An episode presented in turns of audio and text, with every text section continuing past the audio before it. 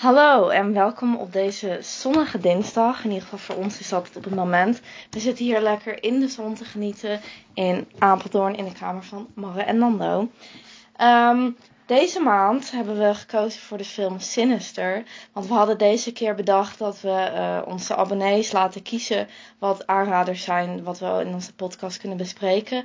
En Nando heeft deze uitgekozen. Dus we dachten, why the hell not? Ook al vindt Marre Heel- horrorfilms eng. Ja, ik ben Nando heel erg dankbaar dat ik Ja. deze film heb moeten kijken. Ja, maar we dachten gewoon van wij als eh Filmfix Guide to Life gaan geen films weigeren uit eh, angst of andere redenen. Dus we laten alles in ons opnemen. Ja. Dus deze maand is het Sinister geworden uit 2012 met in de hoofdrol Ethan Hawke. Ik ben even vergeten hoe de vrouwelijke actrice heet. Die is niet Ik zo bekend. maar eigenlijk is het, gaat Ethan het alleen ja. over Ethan Hawke eigenlijk. Ja. Eh, nou, we hebben deze keer hebben we de film niet samen gekeken, want dat Nee. kwam helaas niet uit. Dus ik heb hem eh gisteren overdag gekeken toen ik alleen thuis was bij mijn vriends huis. En Marre heeft hem gisteravond samen met Nando gekeken. Marre, wat eh, was jouw belevenis? Nou, ik was al bang voordat we überhaupt begonnen aan de film. dat is wel leuk als je al echt Oh, zo ja, opgefokt nee, bent. dat was niet leuk. Want het was, die had gezegd dat hij heel eng was. Dus ik dacht, oké, het gaat eng zijn. Dus ik had uit elke seconde die kwam, dacht ik, oh my god, er komt nu een jumpscare. Alleen het begon pas veel later. De jumpscares, sowieso de jumpscares waren er niet zo heel veel. Dus ik was gewoon al, ehm, ja, mijn hartslag was al heel hoog voor gewoon de rustige momenten. Het heeft heel lang geduurd voordat ik eigenlijk genoeg kon kalmeren. Ja, Ja, ergens vind ik dat juist wel leuker aan. Omdat ik juist in mijn eentje was. En juist eigenlijk helemaal niet zo hyped van Ja. tevoren was. Het was meer van. Ik had sowieso gisteren niet zo'n hele goede dag. Dus ik was meer van: oké, let's get it over with. Ik moet het nog steeds kijken. ja. En daardoor zat ik niet echt in een goede flow. En dan kijk je er wel anders naar. Ja, Terwijl als je juist lekker opgehyped bent, dan ben je ook meer. Ja, dan zit je echt Ja. in die spanning Ja, ja, van een horrorfilm. En dan beleef je het ergens wel beter of zo. eh. Eh, maar wat vond jij van het plot, van eh, het verhaal? Eh, ja, ik vond het, ja, het was, ehm ik zit te denken, het plot was niet heel uniek. Ik denk dat er wel meerdere horrorfilms zijn waar mensen in, in een huis gaan wonen. En nu blijkt dat er daar een soort god, demon in zit. Maar ik vond het wel origineel. ehm, oh ja, ja, spoiler warning. Oh maar ja, ja, die- waarschijnlijk... In elke podcast gaan er Ja, ja, spoilers spoiler komen. Dus. Dat, eh, dat de kinderen uiteindelijk eh, de moordenaars waren. ja, dat, dat vond ik echt, vet. Ja. Maar ik had het wel al geraden voordat de plot twist kwam. Dus ik zei wel, ik zei al tegen Nando, oh, het zijn de kinderen die het hebben gefilmd en zij hebben die die mensen Echt? hebben vermoord. Ah, dat, dat, ik ben daar echt niet goed in om dat soort dingen te komen. Maar ergens vind ik dat ook wel leuk. Want daardoor, voor mij was, het wel, was dat wel echt een Oh ja, verrassingselement. Dat vond ik wel een goede plot twist, ja. Ja, ik vond zelf, eh, ik vond, ja, Ethan Hawke vind ik zelf gewoon een hele goede acteur. Ja, ik ben echt ja. verliefd op hem geworden door de Before Sunrise films. Oh, ja. Maar eh, dit was wel echt compleet andere film van hem. Maar ik vond hem gewoon wel goed. Ik vond alleen ja, ik, omdat ik, ik zat dus al niet in een goede flow. En dan begint het al echt letterlijk met een verhuizing naar een nieuw huis. ja. En dat is echt het begin zo, van elke, zoveel. elke horrorfilm Ik, zo en ik ben echt opgegroeid met horrorfilms. Al vanaf Ja. dat ik zes was, keek ik al mijn eerste horrorfilm. Allereerste horrorfilm die ik zag is De Lift trouwens. Een hele slechte De Nederlandse film. Nederlandse van De eh, Nederlandse, ja. ja. Ik weet even niet meer van wie die is. Maar dat is eigenlijk echt een hele slechte film. Maar ik vond het toen zo eng. Maar ja, ik was zes. Maar ja, ik had, vanaf die leeftijd keek ik dus heel veel horrorfilms. En vooral in mijn, in mijn tijd van toen ik 12, 13 was. Dus Ja. ik echt obsessief met horrorfilms. Ook met Moshta samen keken we er zoveel. Dus ja, ja. daardoor, ik heb echt al heel veel gezien. Dus voor mij was dit gewoon weer another one of those horrorfilms. Vooral inderdaad de verhuizing aan het begin. En wat zijn nog meer dingen. Ja, voor mij was het ook zo'n typisch iets wat je altijd in films ziet. Dat is echt, ja, je hebt gewoon zo'n bepaalde volgorde. Net als wat jij in je artikel had over de Hero's Journey. Ja. Dat heb je met horrorfilms ja, ook. ook. Ja, ja. Het begint meestal met een gezin die eigenlijk heel lief en supportive zijn, weet je wel. Die vrouw was heel lief voor hem. Ja. Want hij... Oh, we moeten trouwens, dat gaan we helemaal vergeten, even vertellen in kort waar de film over gaat. Oh ja. Dat is wel handig. Oh ja. Excuses. ja. eh, Even een korte Ja, nou ja, ze gaan dus in een nieuw huis komen. Het is een, eh, een crime, true crime schrijver, toch? Ja, Ja. die dan politie onderzoeken. En hij eh, moet een nieuw boek schrijven, want eh, vorige boeken deden het niet zo goed, geloof Nee, ik. want hij heeft één hit gehad, Ja. jaren terug, met Oh, Kentucky ja. Blood. Oh ja, de One En, Hit Wonder. Ja, Dus hij wilde een nieuw boek schrijven over een nieuwe true crime. En toen is hij in het huis gaan wonen waar het een gezin dood was gegaan. Zonder dat zijn vrouw en het kinderen dat weten. Dus dat is al super fijn. Ja, aan het begin van de film Ja. vraagt ze zelfs van, eh, Is de- is het het, dichtbij eh, een ja. van de true crime scenes? Zegt hij nee. En later is het ja, je zei dichtbij. Ik echt, En, Ja, maar, eh, en eh, hij vindt dan op de zolder vindt hij een doos met filmrollen. En op die filmrollen staan allemaal verschillende moorden. Ja, en dan wordt hij daar een beetje in uh, meegesleept. ja, een beetje geobsedeerd door. En dan gebeuren er steeds meer freaky dingen. Natuurlijk met hem eh, s s'avonds laat als de zon ondergaat. Ja. En uiteindelijk loopt alles uit de klauwen. Ja, dat eigenlijk een beetje. ongeveer wel. Ja. Maar in ieder geval vond ik het een soort van typische element. Want hij is dan dus schrijver. En hij heeft natuurlijk eh, lange tijd gefaald. Maar zijn vrouw blijft eigenlijk heel supportive. Wat heel lief is. Terwijl ik vind het toch wel een hele opgave dat ze speciaal voor een falende schrijver helemaal zijn verhuisd. Ja. Terwijl de vrouw wilde eigenlijk niet verhuizen. De kinderen. wilden niet verhuizen. En eh, toch, ja, hij, heeft wel hij is duidelijk wel een beetje een soort van, heeft hij de overhand. Want zijn Ja. werk is zijn alles. Ehm, en daardoor vind ik ook dat hij best wel zijn nalatig is naar zijn gezin toe. Maar je ziet gewoon heel erg weer die verandering van het gezin die langzaam steeds meer uit elkaar valt. Ja. En dat is ook zo'n heel typerend element in horrorfilms. Van uiteindelijk door ellende die er gebeurt, doordat je dan de soort van koppige hoofdrol hebt, bijna altijd is het de man, Ja. die dan te koppig is en dan toch doordramt en toch geobsedeerd raakt en dan niet wil toegeven dat het allemaal misgaat. Ja. En daardoor brengt hij eigenlijk zijn hele gezin in gevaar. Ehm, en pas zodra hij daar zelf achter komt, is het eigenlijk al te laat. En dan natuurlijk uiteindelijk ontstaan er ruzies tussen de man en de vrouw. De kinderen raken involved. Alsnog blijft hij koppig, terwijl zijn kinderen gewoon duidelijk een trauma aan het krijgen zijn. En dat doet hem gewoon niks. Ik weet nog één scène in de film, dan zit zij net te vertellen van besef je wat je kinderen aandoet. Ja. Want ze, een, ze, hebben, ze hebben dan een meisje en een eh, jongen. En de jongen is 12 en die heeft heel erg last van night terrors. Dat hij s'nachts echt eh, schreeuwend wakker wordt ergens in een verhuisdoos. En het ziet er ook echt heel naar uit. En op een gegeven moment vinden ze hem ook buiten. En dan Ja. is hij ook helemaal in shock. Ehm, maar dan zit eh, op een gegeven moment die vrouw aan hem te vertellen van... Besef je wat je je kinderen aandoet? Want het meisje begon ook al tekeningen te maken over de moorden. Ja, creepy en die, tekeningen. ja, en de jongen ook al. En dan zit die vader een beetje zo van... Oh ja, om een paar tekeningen is het ineens heel erg. Ze hebben een eh, liefdevolle vader die zoveel tijd Ja. Gestopt. en Alles voor ze over denkt, Ze hebben niks te klagen. Dat ik denk, je bent je kinderen letterlijk een trauma Maar hij heeft zo ook echt de hele film was hij gewoon niet bij zijn kinderen. Nee, Het was inderdaad. echt de hele tijd alleen maar dat hij in zijn office was. Ja, precies. En dan klopt zijn eh dochtertje soms Ja, samen met, met kopje koffie. koffie. Oh, ja. dat was zo zielig. Ja. En dat hij dan meteen die deur ja, weer dicht gebeld En dan wordt. stond hij, en dan staat dat meisje, stond dan zo voor die dichte deur. Ik dacht oh my god. Dat is heel zielig. Ja, dat was zielig. Ja, want dat vond ik aan het begin van de film ook nog. Eh, op een gegeven moment dan hebben ze dus over van ja, dat die vrouw een soort van bezorgd is en wil dat hij wel gelukkig is. Ja. En dan zegt, hij, zegt ze letterlijk: If you're happy, we're all happy. Ik dacht, wat voor ongezonde zin is dat? Ja, dat het werkt toch niet zo dat als de man van het huis gelukkig is, dat dan het hele gezin gelukkig is? Ik denk, dat is wel een hele toxic verhouding dat ze dat zei. Ik dacht, oef, dat eh, betekent al niet veel goeds. eh. Nee. Maar eh, ja, dus ik, ik vond het zelf een beetje lastig, omdat ik vind delen van de film vind ik wel goed. Want mij raakte vooral die filmbeelden heel erg. Dat vond ik ook heel naar om naar Dat te kijken wel. Ja.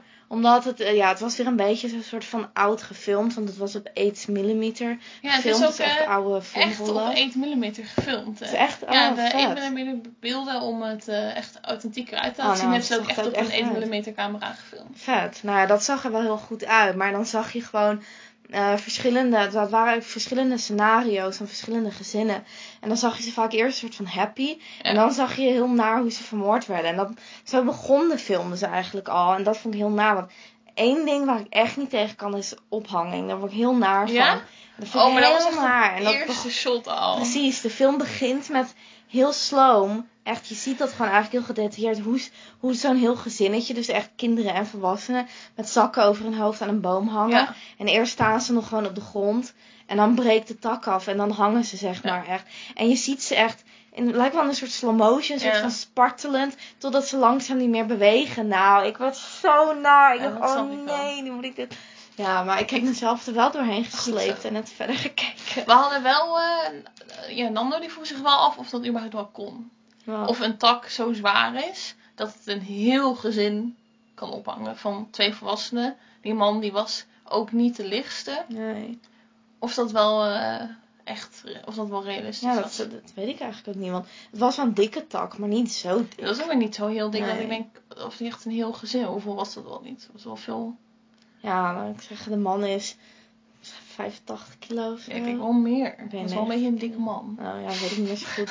en de vrouw is dan eh 70 70? kilo of zo. Ja, dan dan zit je al eh, nou, Ja, ze zit sowieso over de 200 kilo. Ja. Dus, eh, ja, weet ik eigenlijk niet. eh. Maar eh, ja, Ja, dat zijn inderdaad van de kleine. En, want dat, wat, was dat ook alweer? En er was nog een één stuk in de film wat ik niet snapte.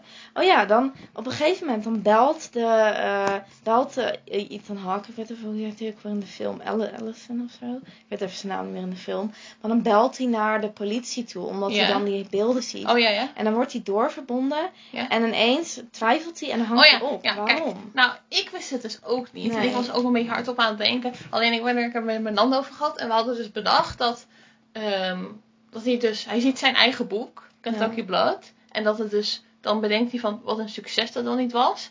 En hij denkt, als ik het nu door ga geven aan de politie over deze tapes...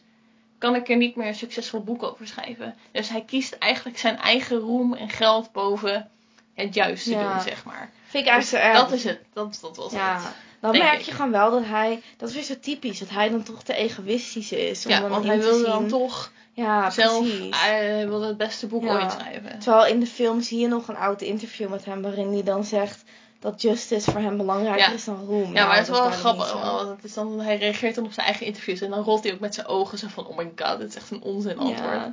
Ja, dat vond ik ook wel Ik grappig. vond het wel ergens opvallend dat hij continu zijn oude interviews aan het terugkijken was. Weer echt zo dat hij nog een soort van in het verleden leeft en Ja. niet wil Ja, hij wilde gewoon... hij dat het niet meer zo is. Nee, eh. nee, dat wilde hij zeker niet. Nee, maar eh, Ja, ik had inderdaad gewoon hele mixed gevoelens over. Want dat was een element die ik sowieso eigenlijk wilde bespreken in deze podcast. eh, een beetje losstaand van de film eigenlijk. Dat ik het heel lastig vind om eigenlijk films altijd goed te beoordelen. Omdat het zo moedbepalend is. En zoals je nu al merkt, zitten Marre en ik... eh, eigenlijk zijn we, hebben we een wisselende mening over de film. Omdat zij eigenlijk in een hele goede moed was. Omdat ze en lekker met Nando was. En die had haar lekker opgehyped. Zodat ze ook echt een soort van in de goede flow zat. En sowieso omdat zij de film samen keek. Dan ja. op een, een of andere sommige, film, sommige films beleef ik beter alleen. Maar horrorfilms beleef ik beter met iemand anders. Vooral als je elkaar gaat opfokken. Ja. Kijk, met mijn vader. Mijn vader wordt altijd melig en gaat grappen maken. En dan kan ik de film niet meer serieus nemen. Wat ik soms ook fijn vind Ja, horrorfilms. Maar ik merk gewoon, horrorfilms zijn meer films om samen te kijken. Voor mij persoonlijk. Ehm, en omdat ik dus gisteren gewoon echt een slechte dag had. Gewoon een beetje zo'n zo'n zo'n down dag. Ja. En dan ehm, neem je films heel anders op of zo. Ja. En daardoor, ehm ja, doe gek genoeg. Iedereen had verwacht dat juist de film me eigenlijk slechter zou laten voelen. En dat deed het eigenlijk niet. Ah. Het is meer dat het juist daardoor minder impact op me had. En dat vind ik daardoor, vind ik dat ergens ook wel... Ja, vond ik wel iets om over na te denken. Van, dat heb ik wel vaker gehad. Dan ben ik, bijvoorbeeld heb ik één keer een film gezien. En dan ben ik net een soort van in de goede mood. En dan vind ik dat de beste film Ja. ooit. En dan geef ik hem een heel hoog cijfer op IMDb. Ja. En dan kijk ik hem een paar maanden ja, later. en dan denk je van... en dan denk je, kut, ik vind deze film eigenlijk helemaal niet zo goed ik heb meer. acht. Ja, hoe dan? Huh? Ik vond hem eigenlijk tegenvallen. Ja. Omdat je dan net in een andere mood zit. Of je beleving is net anders. En dat is zo... Daarom, hoe kan je dat ook als, als filmcriticus goed op die manier Ja. objectief bekijken? Het kan ook, dat eh, ook niet echt. Ik kan het ook heel erg kijken naar bijvoorbeeld filmen in de bioscoop. Omdat je dan, ook als je naar een bioscoop gaat, dan ben je helemaal gehyped. Je Ja. koopt speciaal een ticket ervoor. Ja. Het is een enorm beeld en het geluid is zoveel intenser en alles is intenser. Dus de film, ik heb heel vaak dat ik een film in de bios echt fantastisch vond. En dat ik hem dan thuis terugkeek op mijn laptopschermpje. Ja. Dat ik dacht, Ja. oké, dit valt eigenlijk wel mee. Maar dat is ook met critici. Die zien hem dan gewoon één keer in de bioscoop en dan denken ze, oh ja, ik krijg Ja. nog vijf cijfers. Maar Precies. is dat, dan wel een rea- apart. is dat dan een realistisch beeld? Ja, dan? want dat vind ik inderdaad heel lastig met zoiets. Van, bedoel, natuurlijk, het is met alles zo dat een moment heel bepalend is. Ook met muziek wat je luistert.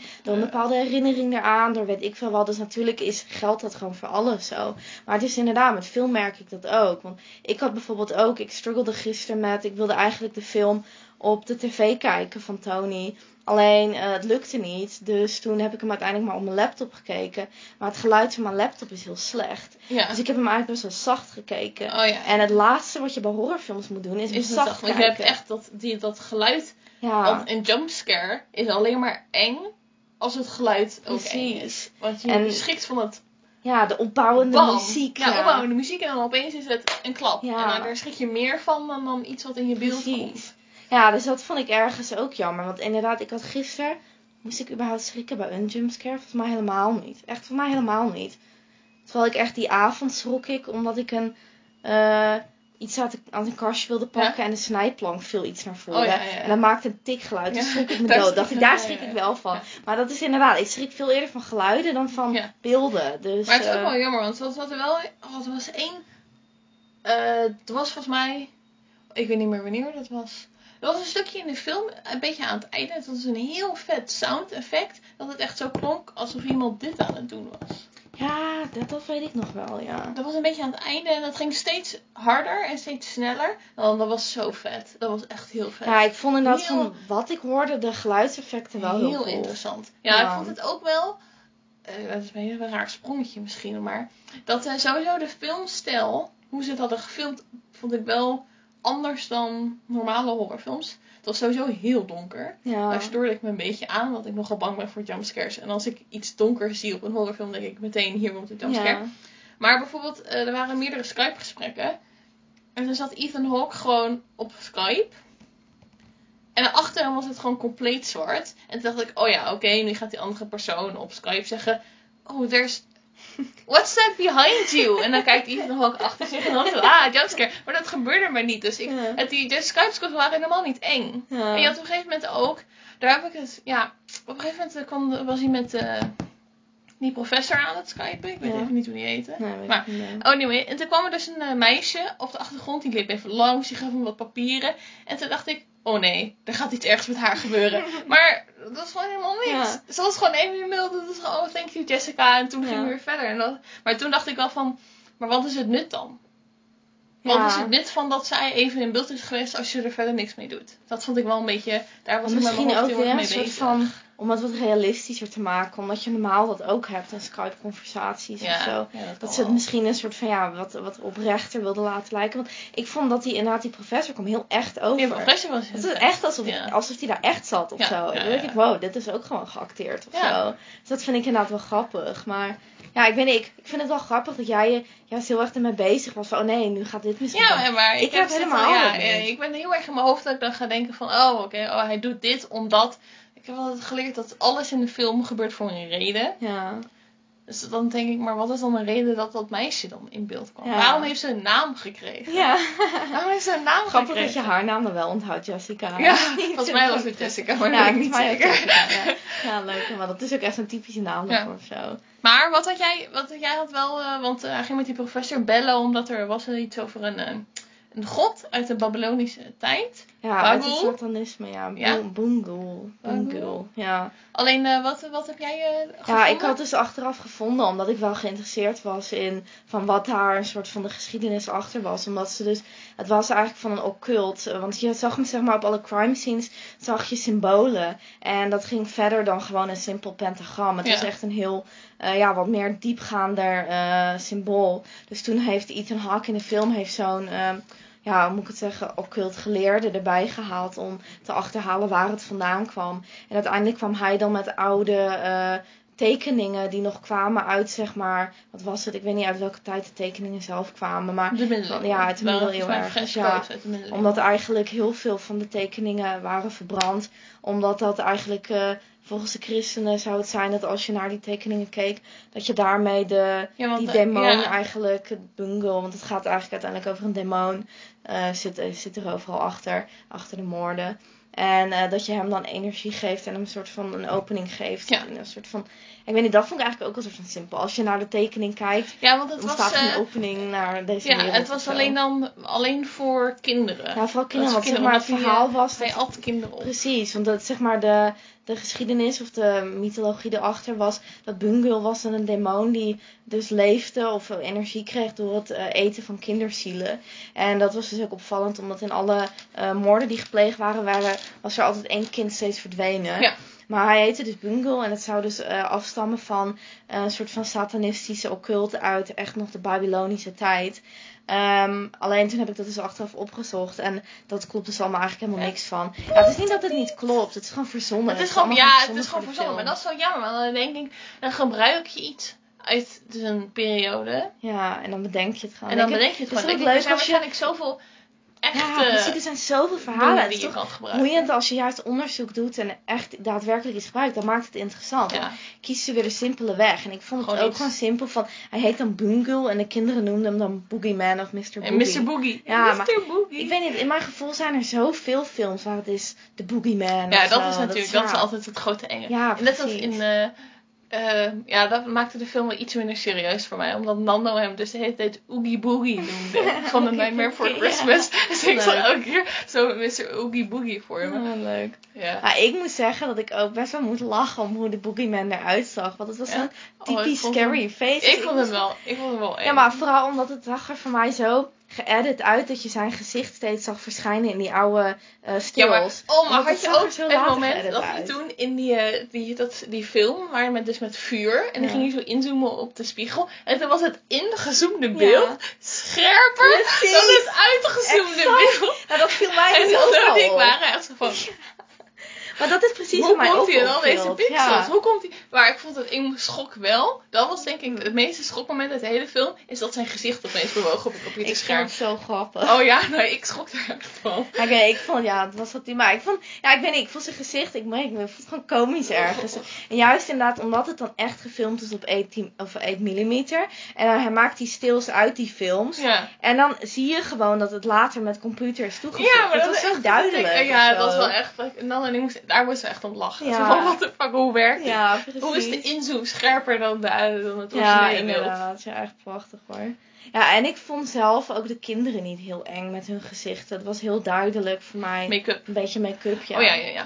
En ja, ik vond zelf ook gewoon het einde dat ineens die kinderen achter hem stonden en dan ze net dramatisch wegrenden als hij omkeek. Ik weet daar werd ik ook gewoon een beetje mee Ja? van of Oh, zo. ik vond het wel heel vet gefilmd. Omdat de kinderen, Oh, zeg ja. maar, in slow-mo waren gefilmd. ja. En hij wel, eh, zeg maar, real time. Ik heb gewoon, ik heb inderdaad gewoon met te weinig, moet ik het zeggen, echt ehm open-mindheid eh, erna gekeken. Waardoor ik gewoon een beetje melig werd. Oh, ja, ik moet wel zeggen, ik vond het niet eng. Nee. Die scènes, maar ik vond het wel vet inderdaad hoe ze Ja. dat hadden gedaan met die verschillende filmtechnieken. Van hoe ze dat hebben geëdit ook. Ja, terwijl ik dan die eindscène, of de eindscène niet helemaal, maar dat stukje dat je dan ziet hoe dat meisje eigenlijk filmt. Ja. En dan die gangen met die bloed en die Oh, tekeningen. Dat ja. vond ik heel vet. Dat vond ik heel mooi gefilmd. Ja, en dan dat ineens op het einde de boogeyman haar optilt en dan zo in die film In die gaat. film Ja. gaan, in zijn, eh, zijn universe. Ja, maar dat vond ik nog wel een soort van... Ik vond het einde wel echt cool gedaan. Dat, eh, ik weet niet, op een of andere manier had ik toch verwacht, omdat het van ik het dus een beetje cliché film vond, Ja. dat het wel een soort van happy ending zou hebben. Had Oh ja, nee, ja, ja, ja. Ik moet wel op zeggen, een ik gegeven moment neigt het er wel ja, op naar. een moment dacht ik, maar ze gingen toen verhuizen weer terug naar het oude huis. En toen dacht ik, ja, Mr. Boogeyman, die eh, gaat sowieso mee. Maar eh, toen belde die hulpserif. En die zei dus, maar daarvoor woonden ze in dat Ja. huis. En toen dacht ik, oh my god, oh my god, oh my god, nee, nee, nee. Toen dacht ik, ja, ja dat was vet. screwed. Ja. Ja. Hoeveel tijd hebben we nog? Zijn we weer te ver aan het doorlullen? Oké, we hebben nog wel even. Even kijken hoor, want ik heb sowieso nog wat andere punten. Oh ja, vertel trouwens ook even jouw feitje die je had opgezocht, want die vind ik ook heel cool. Eh, ja, oh ja, ehm, ik ben even helemaal eh, uit mijn flow. Maar ja, ik had dus opgezocht over, eh, op Wikipedia. Het is natuurlijk niet een hele reliable source. ik wil het wel even zeggen dat het wel van Wikipedia is. Maar er was dus een onderzoek in 2020. En toen hebben ze dus alle highest rated films van IMDb genomen. Ja, hebben- horror, horror, highest rated horror films. Die hebben ze toen aan 50 mensen laten zien. En al die mensen hadden dus een hartslagmeter om. En toen bleek dat bij Sinister de mensen gemiddeld de hoogste hartslag hadden. Dus dat dat eigenlijk dus de engste film was. En toen dacht ik, dat snap ik wel. Want het is vooral heel veel opbouwmomenten Ja, in Sinister. precies. Niet zo heel erg de jumpscares, want jumpscares vielen nogal mee. Maar vooral ook dat eh, nadat die kinderen kwamen, dan ging hij zeg maar op de bank zitten. En het was helemaal een hele hoge spanning. En hij gaat op de bank zitten en er gebeurt er iets engs. En toen zag je gewoon overduidelijk een lamp zo Ja. in beeld komen. Oh, dat is de zon. En toen dacht ik, Ja. oh, het is daglicht en het is al voorbij. Ja, Er Ja, heel inderdaad. veel opspanning, waardoor je dus heel veel hoge hartslag krijgt. Maar Mhm. dat was niet echt een... ja maar dat vind ik wel grappig, want dat is echt nog die soort van techniek of die methode die echt gebruikt is van eh, de tijd van Alfred Hitchcock. Omdat hij echt heel erg werkte met opbouw Ja, en ja, niet zozeer, omdat hij- Alfred Hitchcock al zei van je kan wel eh, een soort van vertellen dat er iets engs gaat gebeuren en het dan laten zien. Ja. Zoals bijvoorbeeld ook hoe een jumpscare werkt. Ja. Het is een heel kort moment. Ja. Dus dan gaat je hart wel even snel, Even, maar, maar dan daarna is het gewoon weer... Terwijl als je inderdaad juist echt die opbouw creëert. de hele tijd Ja, hou je die spanning. Precies, dus eigenlijk is dat gewoon eigenlijk al een hele klassieke manier, maar wat wel heel effectief is. Dus nog steeds wordt dat gebruikt. En voor mij persoonlijk werkt dat ook heel erg. Ook vooral in combinatie, omdat ik juist heel erg bang word van meer psychologische dingen. Zelf zijn mijn meeste enge horrorfilms meer David Lynch films dan echt daadwerkelijke horrorfilms.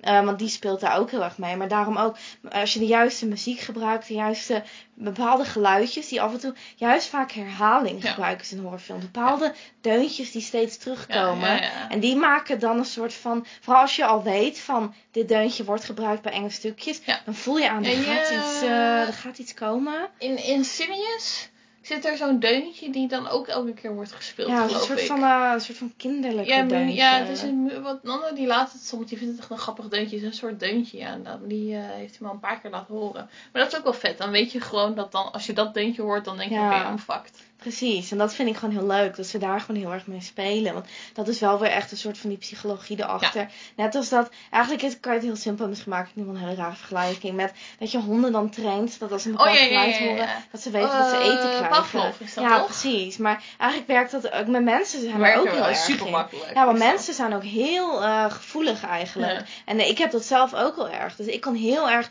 dan, als ik een bepaalde herinnering of associatie heb met iets, met geluiden, dat ik dat daar dan aan link. Ja. Dus daarom is, is dat denk ik ook dat ze in horrorfilms niet steeds andere geluiden doen, maar juist zelf, terugkerende. ja, omdat je dan alleen al van het horen van het geluid, Ja, dat krijg je het alweer die angst, precies. ook al gebeurt er niks. Ja, dus dat vind Oh ik my wel heel interessant. slim. Dat is gewoon dat Ja, Pavlov eigenlijk ding, ja. wel. En dat vind ik wel grappig, want hoe meer ik leer over films, hoe meer ik erachter kom dat er zoveel eigenlijk meer gebruik wordt gemaakt van psychologie op Ja. mensen. En heel erg bewust wordt nagedacht van de effect die bepaalde shots, die bepaalde dingen op eigenlijk inderdaad je hersenactiviteit hebben, je hartslag Ja. hebben. En dat is iets waar ik eerder nooit zo bij stilstond. Maar dat vind ik zo grappig om daar eigenlijk meer over na te denken. Ja, En dan klinkt het wel. heel diepgaand, maar eigenlijk werkt het ook weer heel simpel. Het is heel simpel, ja. Het is ook Ja. gewoon de menselijke geest is gewoon zo makkelijk om voor de gek te houden. Precies. En in films maken ze er eh, gewoon echt extreem veel gebruik van. Ja, inderdaad. Ja, dat vind ik heel boeiend om te zien wel. eh. En horrorfilms zijn daar sowieso heel goed in. Want die werken daar enorm mee. Want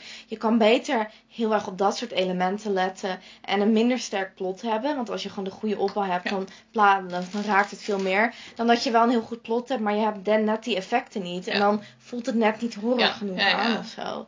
Want dit vond ik wel leuker, omdat ik ben zelf... Eerder hield ik daar wel van, maar nu niet meer. Echt die gory horrorfilms. Oh En dit vind ik dan, dit raakt mij meer als horror of als, als Ja. horrorfilm. Want ik bedoel, ik vind zelf stiekem de laatste tijd, omdat ik heel veel van die B-films kijk, vind ik het dan wel weer leuk. Ja. Maar dan beschouw ik het niet echt als Maar horror. dat is anders, ja. Ja, Ja, inderdaad. Ja, daar zit Ja. eigenlijk... eh die zegt de gore in, nee. Nee, inderdaad, En misschien steeds het wel bloed wat ze op de bijna. muur had geschilderd. Ja, dat is eigenlijk dat, het dat, ergste. dat ja. het ergste. Want voor de rest ook in alle shots dat je ziet hoe mensen, eh, hoe die moorden gepleegd Ja. werden. Het was wel heel naar om te zien, maar je zag niet gruwelijke dingen. Ja, met Oh, die, met die grasmaaier. Oh, God. Toen zat ik wel echt een beetje op het puntje van echt- stoel van, oh my god, ik wil het niet zien, ik wil wegkijken, maar ik kan niet wegkijken. Ja, ik had het dus dat ik dus wegkeek omdat ik dacht, oh, ik weet wat er gaat Ja. gebeuren. En dan doen we zo, waarom kijk je weg, Barre? Hij is gewoon gras aan het maaien. Hij is gewoon leuk gras aan het maaien. En ik zo, nope, nee, er komt een hoofd aan. Er komt een hoofd aan. Ja, maar ook omdat het heel duidelijk was dat het eh,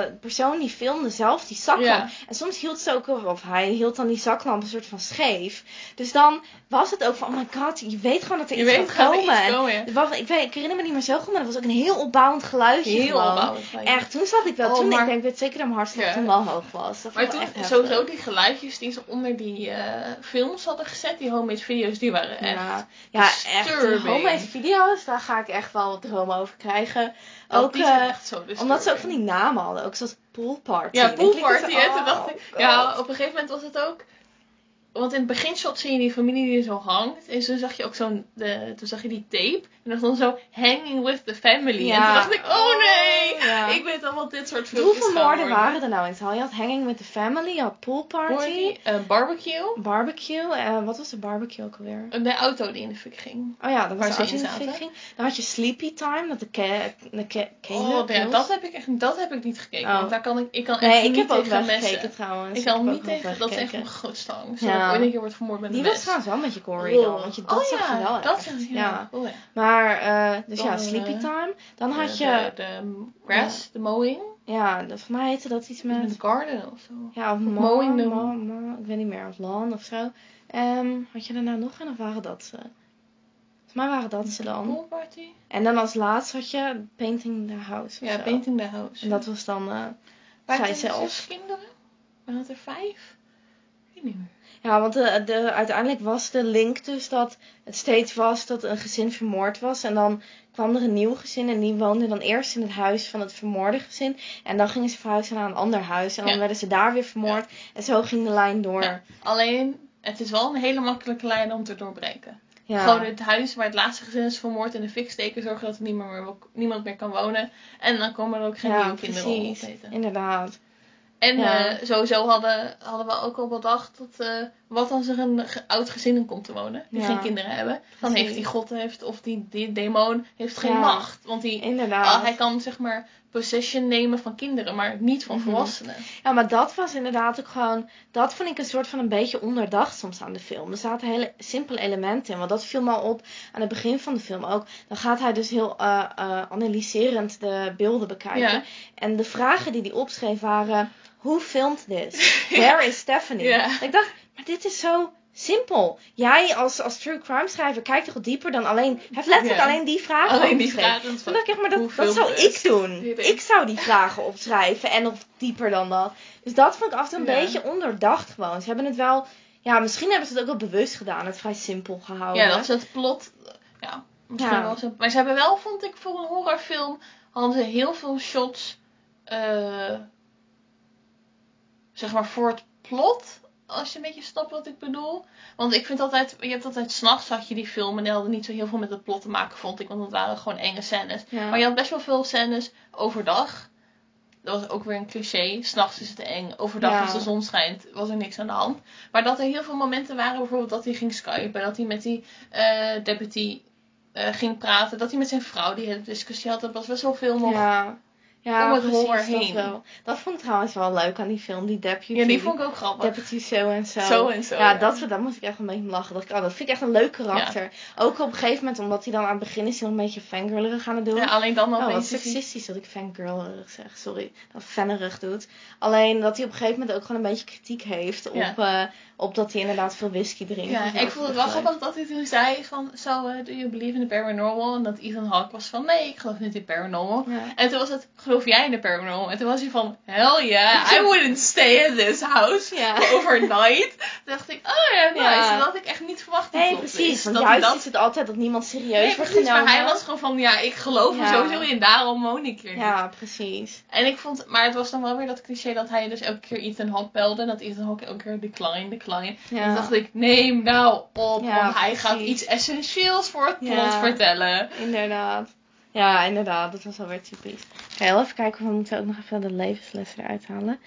Eh, we zitten nu op... Ja, oké. we moeten de levenslessen uit de film gaan halen. Oh ja. Oké, want dus Eh. algemene mening is dus ja, wat ik sowieso dus even belangrijke elementen vind opgezomd is dat ik, ik dus het heel lastig vind omdat je nu al merkt dat onze belevenissen zo verschillend Ja. waren puur door de setting en door de mood die gezet was. Ja. Dus ja, Nina bijvoorbeeld ook. Eigenlijk doordat eh Nando jij voor, jou vooraf al verteld heeft dat er jumpscares zouden komen. Was ik Was al je bang. daar in je hoofd allemaal Alleen bezig maar waardoor je al bang. Ja. Wat ergens ook wel weer slim is of zo. Want daarmee, ja, word je al Ja, in maar de ik was wel- gebracht. Ik kon letterlijk de eerste echt half uur. Nee, dat nog langer. Ik heb echt gewoon, ik denk de hele, op een gegeven moment, toen het op een gegeven moment snapte ik mijn hoofd van overdag is het niet eng. Ja. Maar daarvoor heb ik echt geen enkele seconde kunnen kijken zonder dat ik dacht, ik wil mijn hand voor Ja. mijn ogen doen. Alleen ik Ik echt wil echt een keer een horrorfilm met jou kijken. gedwongen om niet mijn hand voor mijn ogen te doen. Ah, leuk. Oké, maar dus Maar, dat eh, is inderdaad een belangrijk aspect. Verder, eh, belangrijk aspect van ja, dus dat psychologische deel van horrorfilms. Dat ik het grappig vind om dat eigenlijk zo steeds opvallender terug te zien. Ja. Dat ze daar gebruik van maken.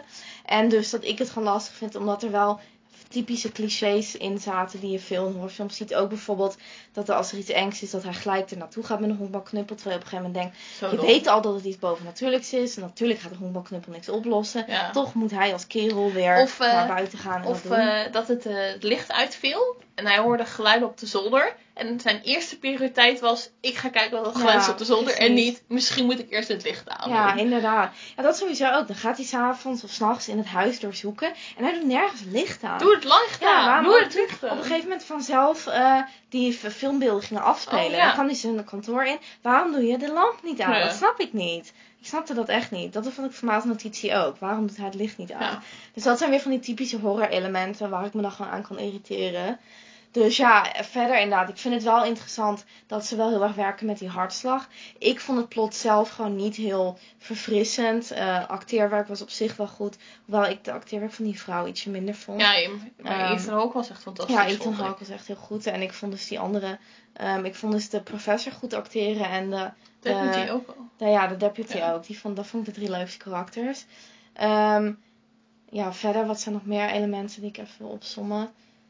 Ja, dat ik dus eh, wel het heel leuk vind dat ze de 8 mm gebruikt hebben. Echt voor, eh, voor, de, voor de, eh, om het goed neer te zetten. Ja. Maar dat ik het dan wel jammer vind dat ze dat heel opvallend er later in hebben geëdit. Ja, met dat gezicht ja. van Mr. Boogie. En levenslessen uit deze film zou ik zeggen. Ja, eigenlijk vind ik het goede moraal van deze film ook wel deels. Wees niet egoïstisch en koppig. En laat je nooit.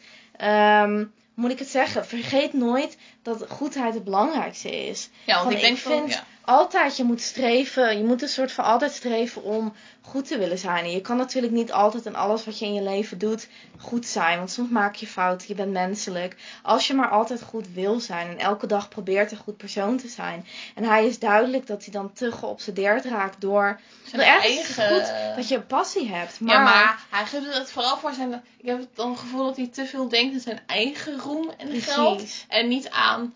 Bijvoorbeeld in die video's dat hij dus die politie belt. En dat is zijn eerste reactie. Maar daarna denkt Ja, van... Nee, ik dat wil eigenlijk egoïstisch mijn eigen boek Precies. over schrijven. Terwijl dat is het beste wat hij had kunnen doen. Plus ehm, dat ik het zo belangrijk vind om te zien als je eh, getrouwd bent en kinderen hebt. Je moet naar je gezin luisteren. En je moet eh, beseffen dat je niet altijd je eigen zin kan doordrammen. Want je moet compromises maken. Ja. En je moet zorgen dat iedereen zich comfortabel voelt Ja. bij beslissingen. En hij is duidelijk, ja, ik vond hem gewoon echt heel egoïstisch. En dit is gewoon iets wat je heel veel in films terugziet. Dat iemand dan door iets, een bepaald onderwerp te, geobsedeerd raakt. En daardoor gewoon een soort van de touch met reality kwijtraakt. Ja. En niet meer beseft waar hij mee bezig Ja. is. En daar te laten achterkomt. Dus dat vind ik ook een levensles van gebruik wel je verstand. Laat je niet te erg door je gevoel, eh, ja, hoe moet ik het zeggen? Vergeet daardoor niet de realiteit. Nee, Laat niet nee, alleen maar door je gevoel jezelf te erg meeslepen met iets. Maar realiseer je waar je mee bezig bent. En Ja. hou rekening met de mensen van wie je houdt. Ja. Want uiteindelijk is dat het belangrijkste. De mensen van wie je houdt en niet je boek. Nee. Dus dat eigenlijk. Ja. Oké, nou bedankt voor het luisteren. En eh, laat ons weten waar we, welke film we de volgende keer moeten kijken. Jouw favoriete film of een film die jij eh, wat wil jij zeggen? Wat, eh, wat zij van Sinister vonden. Oh ja, daar ben ik trouwens ook benieuwd naar. Maar het hoeft trouwens, als je onze film aanraadt, hoeft niet per se je favoriete film te zijn. Ook bijvoorbeeld een film die je hebt gezien en waarvan je dacht, wow, dit vond ik heel opvallend. Of hier zitten bepaalde elementen in waar ik heel benieuwd naar ben hoe wij erin staan. Wij staan overal voor open. Ja. Het maakt niet uit uit welk jaar het komt, maakt niet uit welk genre het is, uit welk land het komt. Ik wil alles zien. Dus eh, hou je vooral niet in en laat het ons weten. En tot volgende maand. Tot volgende maand. En vergeet vooral niet te abonneren op onze site. Er komt vandaag, of ja, vandaag, het wordt natuurlijk later uitgebracht, maar er komt altijd weer een nieuw artikel aan. En eh, we hebben trouwens ondertussen ook merchandise, hele coole merchandise. Ja, ja, ja, ja. Dus hou onze social media in de gaten. En tot de volgende keer. Tot de volgende keer. Doei!